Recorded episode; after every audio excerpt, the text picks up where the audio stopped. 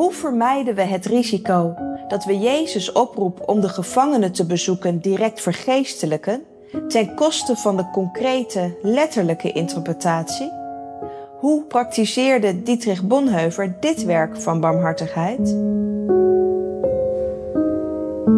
In een serie van zeven podcasts bespreekt Arthur Alderliesten de zeven werken van barmhartigheid met het oog op het leven in crisistijd. Hij verbindt die met reflecties vanuit het leven en werk van Dietrich Bonhoeffer.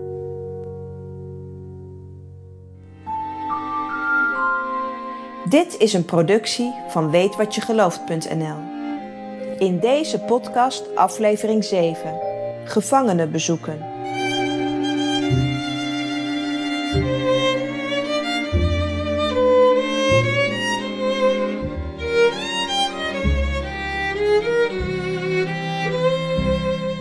In de Bijbel komen we meer mensen tegen die zelf in de gevangenis zitten dan mensen die gevangenen bezoeken. Jozef, Jeremia, Johannes de Doper, Petrus, Paulus en Silas zijn de meest bekende Bijbelse figuren die de gevangenis van binnenuit kennen.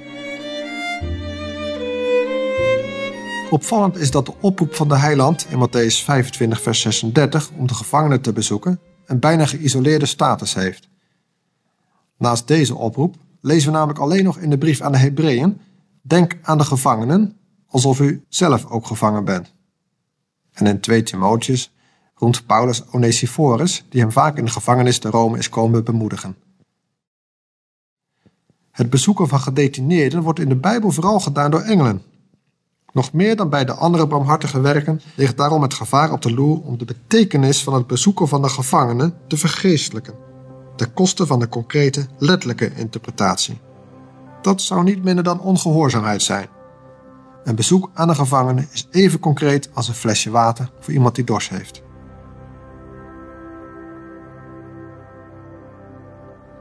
Als bijbelse illustratie van het bezoeken van gedetineerden kunnen we denken aan de burgers van het Tienstammenrijk, voor wie het grootste deel werd weggevoerd en in ballingschap moest leven. Het was Gods straf op een ongelovig en ongehoorzaam leven van de Joden.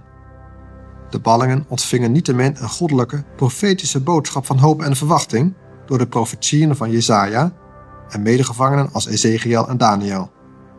Door middel van mensen onder de gevangenen stak God de hoorders een hart onder de riem.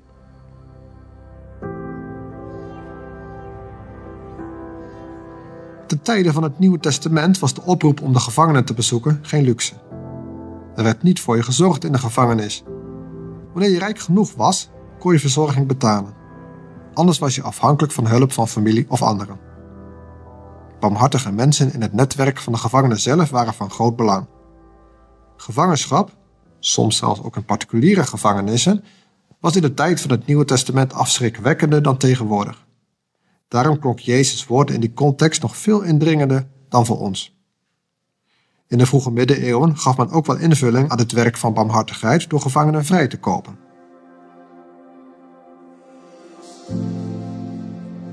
De Bijbel laat een tweede betekenislaag zien. Gevangenschap heeft ook een geestelijke dimensie, namelijk die van de mens die gevangen zit in zijn eigen ongeloof, gebonden aan een wil die continu neigt naar het kwaad. Je leven zit achter de tralies wanneer je gevangen zit in angst en zorgen, somberheid en twijfel, ongeloof en ongehoorzaamheid, Kortom, een leven zonder overgave aan God. Een gelovig leven met God is daarentegen een leven in vrijheid. Dat leven is mogelijk doordat Christus gekomen is om gevangenen vrij te laten. Het was de grote ontdekking van de reformator Martin Luther dat hij een volledig vrij, bevrijd en gerechtvaardigd mens was dankzij het volbrachte werk van Christus Jezus. Het was de vrolijkste ruil van zijn leven. Kort na deze ontdekking ondertekent hij een aantal brieven aan zijn vertrouwde vrienden met een Griekse weergave van zijn naam. Martinus Eleutherios, een vrij man.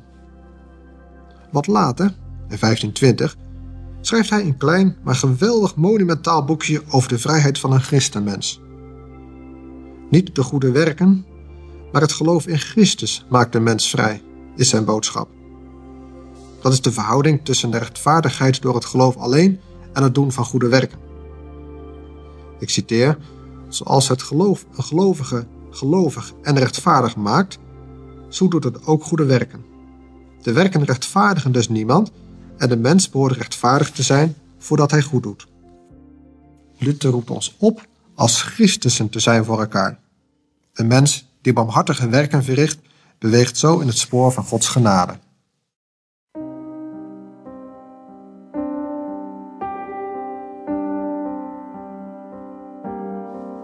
Rond dit werk van barmhartigheid zien we Dietrich Bonhoeffer deze keer van een andere kant. Aan de binnenkant van de gevangenis. Daar is hij allereerst een ontvanger van barmhartigheid. Dat is overigens ook een interessant aspect aan een barmhartig leven. Zijn we in staat om barmhartigheid in ontvangst te nemen?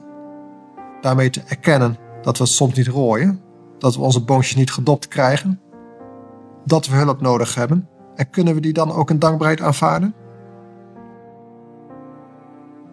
Terug naar Bonheuven. Gevangenschap is zwaar.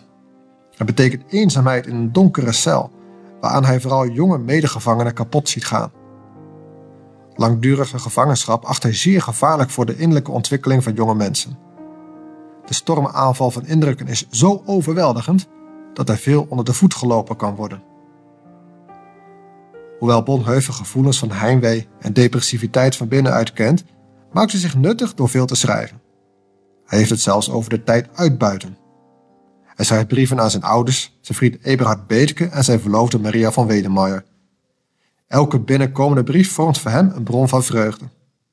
Het zijn brieven waaruit hoop opklinkt en waarin plannen worden beraamd voor de periode van vrijheid die hij in de eerste periode van zijn gevangenschap nog verwacht na zijn detentie.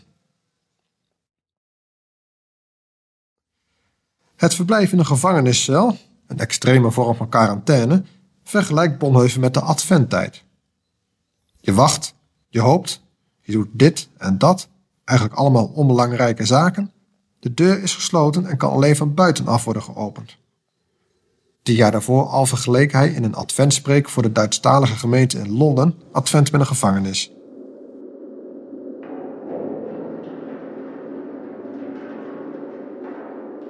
Lange jaren hebben de gevangenen de schaamte en de straf van hun gevangenschap gedragen.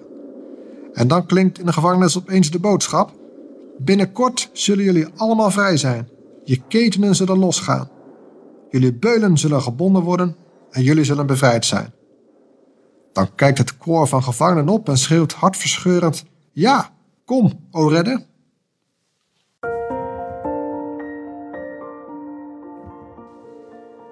Dietrich Bonhoeffer toonde zich in gevangenschap niet alleen een ontvanger, maar ook een dader van barmhartigheid.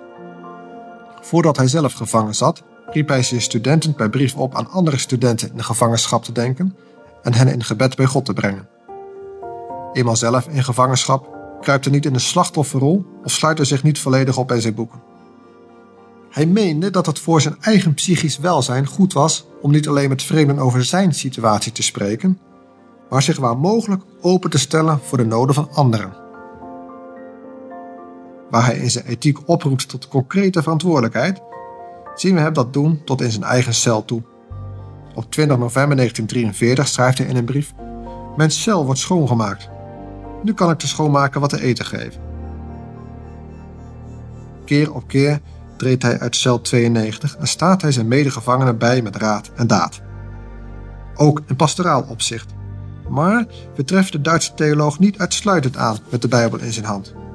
Met kerst 1943 schrijft hij diverse gebeden uit voor zijn medegevangenen. Door zijn waardige houding wint hij de sympathie van medegevangenen en een aantal bewakers. Bij hevige bombardementen op de nabijgelegen locomotieffabriek steekt hij hun een hart onder de ring. Niet eens altijd met woorden, maar ook door zijn rustige, kalme houding. We zijn hiermee aangekomen bij het einde van de zeven werken van barmhartigheid en hoe deze een rol kunnen spelen in tijden van crisis.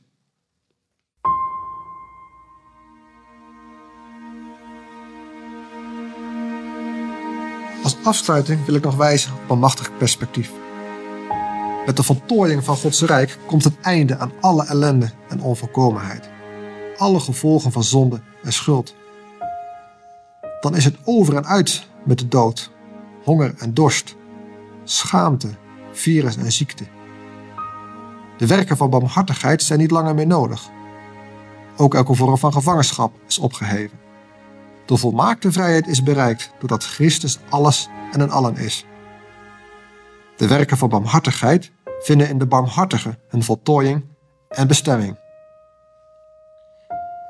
Tot slot, niet alleen van deze podcast, maar van deze gehele zevendelige serie over barmhartig leven in crisistijd, enkele delen uit Bonhoeffers Morgengebed. Hij schreef dit in november 1943 in gevangenschap. Tot u roep ik in de vroege morgen. Help mij bidden en al mijn gedachten te wijden aan u. Ik kan het niet alleen. Heer Jezus Christus, u leefde arm en ellendig, gevangen en verlaten als ik. U kent alle nood van de mensen. U blijft bij mij, ook als niemand meer naast mij staat. U vergeet mij niet en zoekt me. U wilt dat ik u zie en me omkeer naar u. Heer, ik hoor uw roepstem, ik volg u. Help mij. Heer, erbarm u. Schenk mij de vrijheid terug en laat mij nu zo leven dat ik het kan verantwoorden voor u en de mensen. Heer, wat deze dag ook brengt, geprezen zij uw naam. Amen.